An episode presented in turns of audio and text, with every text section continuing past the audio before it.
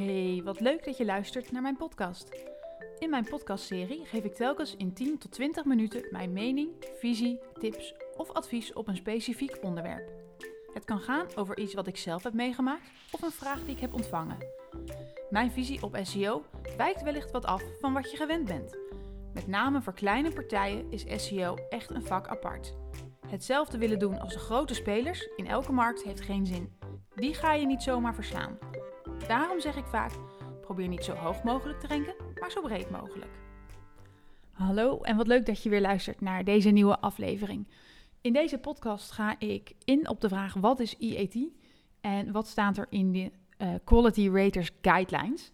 Ik hoop dat je lekker zit, want dit kan wel eens een wat langere podcast gaan worden, omdat hier zoveel over te vertellen is. Um, de Quality Raters Guidelines is een uh, document dat Google heeft opgesteld en bevat in totaal zo'n 172 pagina's. En het is bedoeld om menselijke beoordelaars um, instructies te geven en op te leiden hoe zij content op het web moeten beoordelen.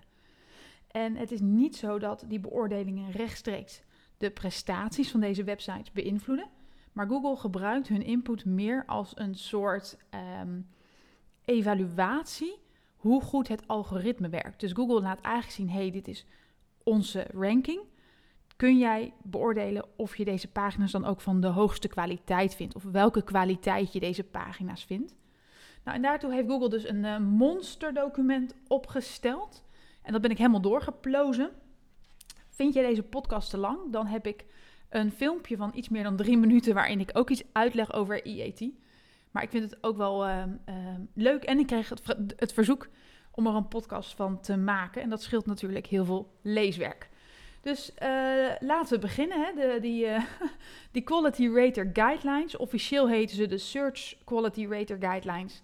En op mijn website vind je een blog met allemaal foto's en een linkje ook naar dit uh, document. Laten we bij het begin beginnen. Wat is IAT? Nou, ik denk dat, wel, dat dit wel bekend is. IAT staat voor expertise, autoriteit en betrouwbaarheid, trustworthiness. En het is een stukje algoritme waarmee Google probeert vast te stellen wie kwaliteit biedt, wie betrouwbaar is en wie eigenlijk die ja, omdat Google zeker wil weten dat zij uh, websites tonen aan hun gebruikers die gewoon van de hoogste kwaliteit zijn. Dus dat is IAT. Er is geen IAT-score, dus je kan niet zeggen, oh, ik score een 8 of een 9 op de schaal van IAT. Dat bestaat niet. Dus het is eigenlijk echt gewoon een, uh, ja, een soort van subjectieve, want ik denk dat dat wel belangrijk is en mijn con conclusie na het lezen van dit document. Het is in hele grote mate subjectief hoe die beoordelers daar naar, eh, naar kunnen kijken. Nou ja, daarmee wordt dus dat, dat algoritme getraind. IAT, dat wordt vaak gezegd in één zin samen met uh, YMYL, dus uh, YMYL, Your Money, Your Life. En daarvan wordt vaak gezegd dat zijn websites binnen gezondheid en financiën. Nou, dat is echt te beperkt. Um, Google is heel duidelijk wat er tot Your Money, Your Life behoort. En um, als ik de rij lees, vraag ik me eigenlijk af: is er dan iets wat er niet toe hoort? Want zij zeggen nieuwswebsites, business, politiek, wetenschap, technologie, overheidszaken, wetgeving, scheiding, voogdij, adoptie, financiële zaken, uh, dus ook gezinszaken hè, vallen bij onder adoptie, shoppingwebsites, dus e-commerce, gezondheid, veiligheid, fitness, voeding Zelfs websites over wonen en carrière behoren tot Your Money, Your Life. En uh, in de quality guidelines heeft Google het zelfs op enig moment over hoge kwaliteit websites, over hobby's waar eisen aangesteld worden. Dus zelfs dat is Your Money, Your Life. Omdat wat Google zegt is, als het gaat over een onderwerp waar mensen heel veel uh, geld aan kunnen besteden of heel veel invloed kan hebben op hun leven. Dus ja, een website over fotografie waarin de allerduurste camera wordt aangeraden kan heel veel invloed hebben op iemands leven, zegt Google. En valt er waarschijnlijk daarom dus onder. Nou, waar kijkt Google naar als het gaat om, uh, om paginakwaliteit? Uh, dan zijn er eigenlijk vijf factoren waar die raters naar moeten kijken. En dat is het doel van de pagina, hè, de purpose, EAT, expertise, authoritiveness en trustworthiness. En dat zeggen zij, het is een belangrijke, uh, belangrijk kenmerk. Dan moeten ze kijken naar de main quality content en de hoeveelheid daarvan. Dan de website informatie, slash wie is uh, verantwoordelijk voor de website. En de website reputatie, slash de reputatie van de auteur. Ik ga hier zo allemaal verder uh, op in. En het is goed om te weten dat IAT geldt voor zowel de website als de creator, dus de auteur van de content, als dat niet dezelfde is als de, als de eigenaar van de website. Dus in mijn geval, ik ben de eigenaar van de website, dus zit dat samen. Gaat het om bijvoorbeeld een nieuwsblad met verschillende journalisten, dan komt het zowel op het, uh, de naam van, van de website, hè, van, van het dagblad, als de reputatie van de auteur aan. Nou, Google geeft wat instructies over per branche wie de content zou moeten creëren. En dan zeggen zij dat high EAT, dus hoge EAT, medisch advies, moet zijn geschreven of gemaakt door personen of instellingen met een adequate medische expertise of opleiding. Het moet ook regelmatig geüpdate of onderhouden worden. Over nieuwsitems zeggen ze dat het geschreven moet zijn uh, met journalistieke professionaliteit en dat het feitelijk juiste content moet bevatten. Ze zeggen dus niet dat het door een journalist geschreven moet zijn, uh, maar wel dat het dus journalistieke professionaliteit moet hebben en dat het eigenlijk gebeurtenissen beter moet duiden. Nogmaals, je kan dit allemaal uh, nalezen op mijn, uh, op mijn website. High EAT wetenschappelijke content moet zijn gemaakt door personen of organisaties met adequate wetenschappelijke expertise. Google is niet heel duidelijk wat adequaat dan is. Dus dat is een, een, een vaag begrip en dat blijft het ook een beetje. Over financieel advies zeggen zij dat het afkomstig moet zijn van betrouwbare bronnen en regelmatig geüpdate en onderhouden moet worden. Dan uh, zeggen ze nog iets over informatie over leven, wonen en ouderschap. Dat moet afkomstig zijn van experts of bronnen die betrouwbaar zijn. Dus ook die, die content over uh, hobby's, high EAT content over hobby's, moet gemaakt zijn door expert. Um, wil jij dit nalezen? In mijn blog zeg ik ook telkens waar in de quality guidelines het staat. Dus zodat je het makkelijk terug kunt vinden en dan ook kunt kijken of het klopt wat ik er dus uit, uh, uit opgemaakt heb. Een stukje over dat begrip expert, hè, want dat wordt een aantal keer genoemd. En Google geeft aan dat, een dat ook gewone mensen als expert gezien mogen worden als zij ervaring hebben met een bepaald onderwerp. Google noemt dat dagelijkse expertise en uh, benadrukt de quality raters, de beoordelaars, dat zij dat dus niet mogen afstraffen of mensen daarop mogen afrekenen als er geen formele opleiding is. Nou, dit vind ik al de eerste um, het eerste bewijs dat Google heel vaag blijft over wat dan expertise is. Zij laten dat eigenlijk op heel veel vlakken aan die raters over om te beoordelen: um, heeft deze persoon expertise of niet? En heeft deze persoon een adequate opleiding of niet? En um, in die zin verwachten ze een hoop van de raters, want die zal dus moeten gaan uitzoeken wat voor een opleiding iemand heeft en dan mogen beslissen of ze dat adequaat vinden. Die vijf uh, begrippen hè, waar Google het over, uh, over heeft, dus dat was uh, purpose, de main quality, EAT, de reputatie en informatie, daar gaan we ook nog op, op in. Die ga ik uitleggen. Met purpose is voor Google het heel belangrijk dat je een beneficial purpose hebt. Nou, dat vind ik vrij lastig te vertalen, maar dat betekent iets dat je behulpzaam moet zijn en iets moet toevoegen. En Google zegt dat, het, dat ze het heel erg belangrijk vinden dat een pagina gemaakt is om gebruikers te helpen. En zolang daar sprake van is, maakt het eigenlijk niet uit wat het doel van jouw website is. En is het ene doel niet belangrijker dan het andere doel. Dus ik denk dat je hieruit kunt opmaken dat het niet belangrijker is dat een pagina informatief is of transactioneel, zolang het maar bedoeld is om mensen te helpen. Zij zijn wel heel duidelijk: is een pagina niet bedoeld om mensen te helpen, dan moet het eigenlijk gewaardeerd worden als laagste kwaliteit. In dit geval wordt um, met niet bedoeld om mensen te helpen. Google zegt over pagina's van de laagste kwaliteit dat die bijvoorbeeld schadelijk zijn voor de auteur van de pagina. Dus bijvoorbeeld een verslag over hoe je uh, jezelf letsel kunt toebrengen of schadelijk zijn voor een ander of de maatschappij. Dus hoe jij jezelf letsel kan toebrengen. Instructies daarover bijvoorbeeld. Of um, Google zegt ook letterlijk het voorbeeld hoe jij jezelf van het leven kunt beroven of de perfecte moord kunt plegen. Nou, hele extreme voorbeelden. Dat is direct laagste kwaliteit. En ook website met nepnieuws. En um, Google geeft daar het voorbeeld van uh, een platte aarde. Dus nou, Google zegt meteen dat ondermijnt de samenleving en publieke instellingen. Dus dat is de allerlaagste kwaliteit. De main quality content. Google onderscheidt drie soorten content. De main quality, de supplementary content en de advertisements of monetization content. En met main content bedoelen zij eigenlijk alle informatie op een pagina die bedoeld is om gebruikers te helpen. Nou, dat kan dus tekst zijn, afbeeldingen, een video, maar ook een feature zoals een calculator als jij die op je website hebt. Ook user-generated content uh, rekent Google tot de main content. En titels vindt Google heel belangrijk. Dus de titel moet behulpzaam zijn en een duidelijke samenvatting geven van wat er op die pagina te zien is. Dan supplementary content, en dat vindt Google ook belangrijk als het helpt om het doel beter te bereiken. En het wordt dan supplementary content genoemd.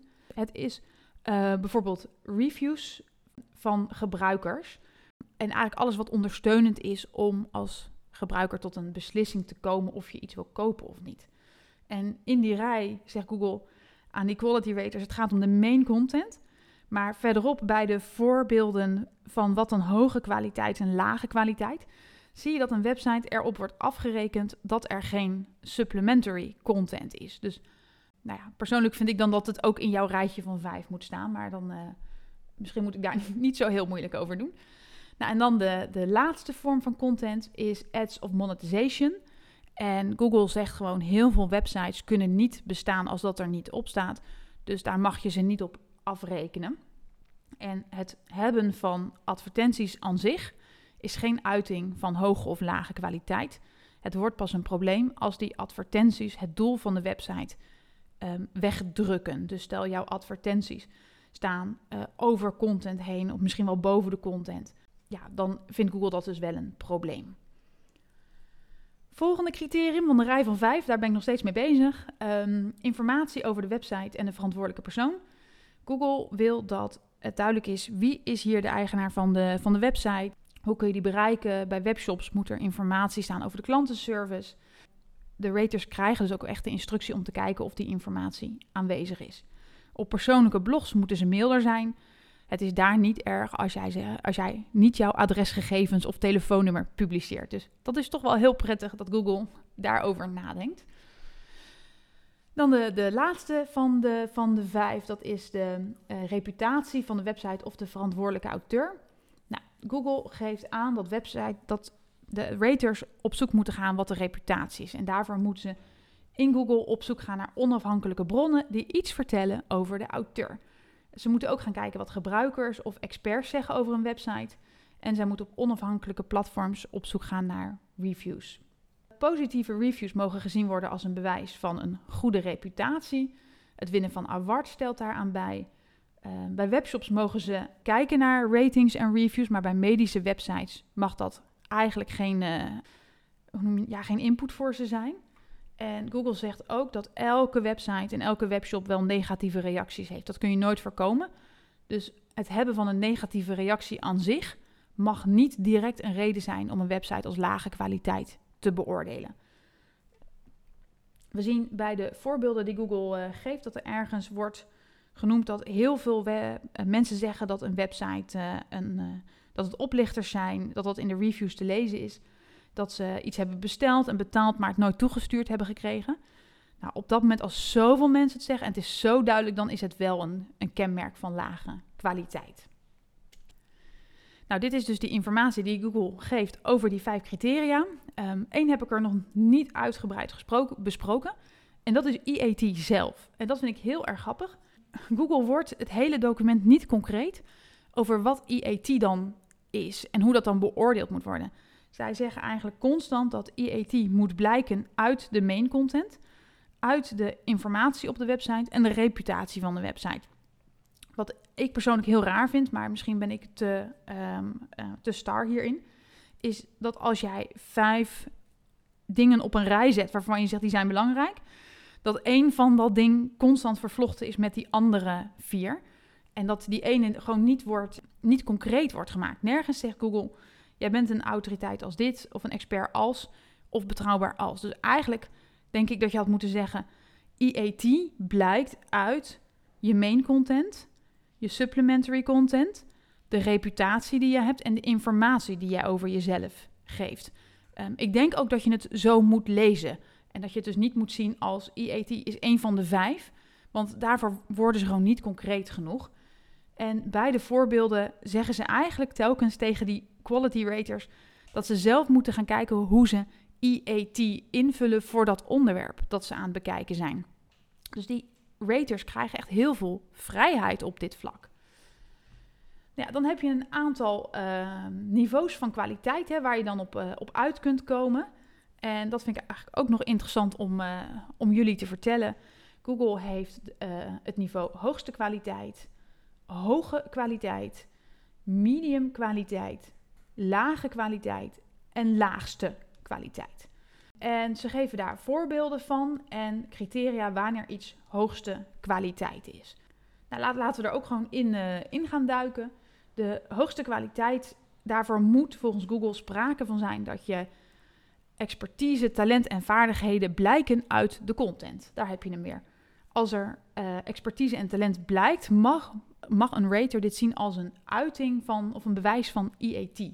Dus dit geeft alweer aan dat het heel erg vervlochten is met elkaar. Van nieuwsitems zeggen zij dat het van de hoogste kwaliteit is als het informatie bevat die anders niet naar buiten zou zijn gekomen. Ik denk hierbij aan een trouw en de toeslagenaffaire die zij onthuld hebben. Ik denk dat zoiets eigenlijk per direct van jouw content hoogste kwaliteit maakt.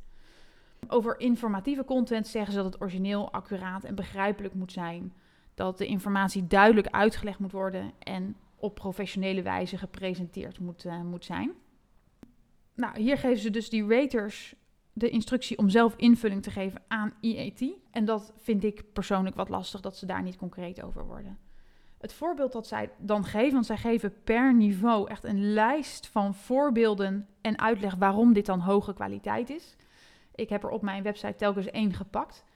En uh, ook de, de score erbij uh, gezet die Google geeft. Nou, het voorbeeld wat zij geven is een webshop met trouwjurken.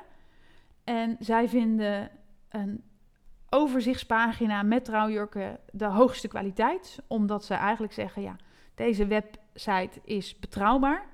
Op de pagina is, zijn heel veel jurken te zien. En er zijn handige filters om door dit assortiment te komen. En daarom is het hoogste kwaliteit. Ik moet zeggen, ik was enigszins met stomheid geslagen. Omdat ik persoonlijk zeg van ja, deze pagina is just another webshop page. Maar goed, ik ken deze partij ook niet. Dus misschien is dit ook wel echt uh, de Coolblue van de webshops. En dan kan dat prima meteen een reden zijn. Maar dit geeft dus meteen aan, op deze pagina staat geen enkele content over het kiezen van een trouwjurk waar je naar moet kijken. Of ja, hoe je, uh, welke, welke stoffen het zijn en wat nu uh, mode is. Dus daar staat gewoon niet die typische SEO-content op die wij op listerpagina's wel zien. Dus maar goed, blijkbaar zegt Google, vindt Google dat gewoon niet nodig. En nou, gelukkig voor heel veel mensen erbuiten zijn zij milder dan ik. Je mag, kan het voorbeeld zien op mijn site, dus uh, dan mag je er zelf ook naar kijken wat je ervan van vindt. Nou, dan komen we bij het voorbeeld hoge kwaliteit. En um, het wordt mij eigenlijk niet zo heel erg duidelijk wanneer er nou sprake is van hoogste kwaliteit of hoge kwaliteit. Dat, ja, dat blijft een beetje vaag. Um, het moet wel duidelijk zijn uh, hier ook wie de eigenaar is, hoe je uh, de klantenservice geregeld hebt, dat de website een positieve reputatie heeft, dat de content feitelijk juist is. Dat zijn dus allemaal dezelfde criteria.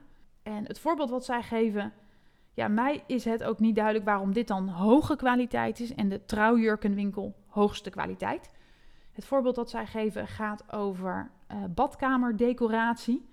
En ook dit vind ik just another webshop page. Maar um, ook hier denk ik dat het goed is dat Google milder is dan ik.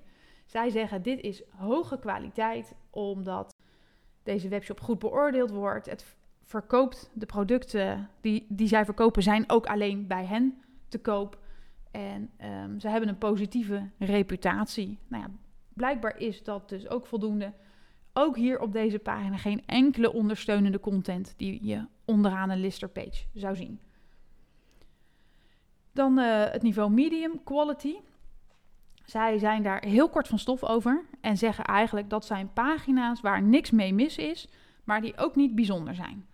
Um, persoonlijk zou ik gezegd hebben, met die twee webshops is ook niks mis, maar ik vind ze ook niet bijzonder. Uh, Google denkt daar anders over. En het ehm, waarom zij dit als, als medium kwaliteit beoordelen. Ze geven een voorbeeld van een recept van een Mexicaanse uh, kip casserole. En zij zeggen, hoewel dit recept afkomstig is van een auteur van een kookboek, dus waarschijnlijk heeft hij een voldoende expertise, ontbreekt er supplementary content op die pagina. En daarmee geef, eh, dat, dat leggen ze uit als geen links naar andere recepten ehm, en geen ondersteunende content. Nou, wat ik denk is dat als jij op deze pagina een stukje informatie zou toevoegen over de, uh, de auteur van, van dit recept, over de kok, en naar andere recepten die hij heeft, of zij, en andere bijpassende gerechten, dan zou je daar dus misschien al ja, veel betere informatie hebben. Die, die supplementary content is dat. En misschien ook reviews van mensen. Hè, dat, uh, ja, daar hecht Google heel veel waarde aan. Dus op het moment dat jij reviews hebt van mensen die jouw gerecht gemaakt hebben en daar iets over zeggen, zou je waarschijnlijk deze pagina naar hoge kwaliteit kunnen trekken. Nou, dan heb je low quality. Um, en daarvan zegt Google dat ze waarschijnlijk bedoeld zijn om waarde toe te voegen, hè, een beneficial purpose te hebben, maar daar niet in geslaagd zijn. Dus dan is er iets aan de hand met bijvoorbeeld de creator van de content, zoals een gebrek aan expertise, of er staat te weinig content op de pagina, of de content heeft niet voldoende inhoud of diepgang. Zij zeggen ook dat als je een chockerende titel bij jouw content zet en de, de inhoud dat niet naleeft, hè, dus dat niet bewijst, is dat eigenlijk al per direct een teken van lage kwaliteit. Dus um, mocht jij nu denken, ik gebruik allemaal chockerende titels om in de zoekresultaten op te vallen en te zorgen dat mensen op mijn site klikken. Dit wordt ook letterlijk door Google gezegd in die guidelines. Dan is dat een probleem als je dat niet waarmaakt. En dan kan dat een reden zijn voor de quality raters om direct te zeggen: dit is lage kwaliteit. Um, het voorbeeld dat zij geven is vanaf een nieuwswebsite en dat gaat over um, hoe je na de kerstdagen kunt ontgiften. En zij zeggen eigenlijk, hun, op het eerste gezicht moet ik zeggen, lijkt dit een best wel interessant artikel. Ik heb het niet helemaal gelezen, maar ik vind het wel weer interessant wat Google er dan van zegt. En zij zijn hier eigenlijk best wel ja, zorgvuldig in. En dat had ik niet verwacht. Maar zij zeggen, die content moet je dus al lezen als rater en beoordelen. En dus ook echt gaan fact-checken. Want in dit artikel doet de auteur de uitspraak dat water therapy goed is voor skin moisturing, bla bla bla. Nou, en Google zegt dat is gewoon niet bewezen, dus, uh, ja, dus onzin. En ze zeggen ook, die titel sluit totaal niet aan op de inhoud van de tekst. Dus um, wees ervan bewust dat die raters daar ook echt mee bezig moeten zijn met het lezen van jouw content, beoordelen of het klopt, factchecken um, en kijken of dan die titel daarbij uh, bij aansluit. Nou, en dan hebben we die websites van de laagste kwaliteit. En die heb ik net al toegelicht. Dat zijn die websites die schade toebrengen met de platte aarde. Of uh, uh, ja, een ander voorbeeld wat Google geeft is dat kristallen dan kanker zouden kunnen genezen. Wat ook op een website staat. Google zegt dit zijn gewoon laagste kwaliteit websites. Ook als er sprake is van uh, scams, dus oplichting, phishing, instructies hoe je een bom kunt maken, hoe je mensen kunt oplichten, hoe je persoonlijke gegevens kunt stelen. Allemaal laagste kwaliteit pagina's. Nou, dat brengt ons bij een soort van conclusie. Wat heb ik nu geleerd na um, ehm, 90 pagina's en 10 hoofdstukken en heel veel informatie over paginakwaliteit? Is mijn conclusie dat EAT in grote mate afhankelijk is van de kwaliteit van je content, de informatie die er over jou te vinden is en de reputatie die jij online hebt. Het is niet helemaal duidelijk wat nou, waar de grens ligt tussen, hoogste kwaliteit en hoge kwaliteit. Maar Google vindt ook ondersteunende content blijkbaar heel belangrijk. Nou, tijd om nog concreet te worden. Wat actiepunten voor jou waar je mee aan de slag zou moeten. Bekijk de voorbeelden van Google um, in de guidelines. Klik ze open, kijk wat ze zeggen en waarom ze tot een conclusie komen. En kijk dan ook even hoe doet jouw website het op dit onderdeel. Kijk kritisch naar um, um, naar ondersteunende content, naar reviews en um, uh, naar, naar je titels, dat soort zaken. Tweede actiepunt, check je reputatie. Ga eens naar jezelf zoeken en kijk wat mensen online over jou zeggen. Kijk naar reviews op onafhankelijke websites. En als jij ziet dat er weinig over jou geschreven is, is dat niet meteen een reden om je nou heel erg zorgen te maken. Maar ik denk wel een reden om aan de slag te gaan. Hoe kun jij een positieve reputatie gaan opbouwen? Daar moet je dan een actieplan voor gaan opstellen. Ook zou ik gaan zorgen voor biografieën voor je auteurs, kleine bio's onderaan elke pagina, een biografie, pagina aan zich. En hen stimuleren dat ze ook op andere plekken gaan schrijven, zodat zij een reputatie opbouwen. Check je ondersteunende content, wat ik al zei, zoals reviews, um, de, de verwijzingen naar andere content items. En check je over ons pagina, je klantenservice informatie, je adresgegevens.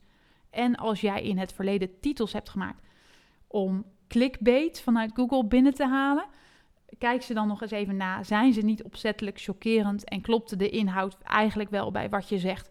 Of maak je de belofte niet helemaal waar en pas ze dan aan? Nou, gefeliciteerd. Je hebt het best wel een tijd volgehouden. Dit is een van mijn langere podcasts. En eigenlijk is het niet een podcast, maar meer een soort van uh, luisterboek over de quality guidelines.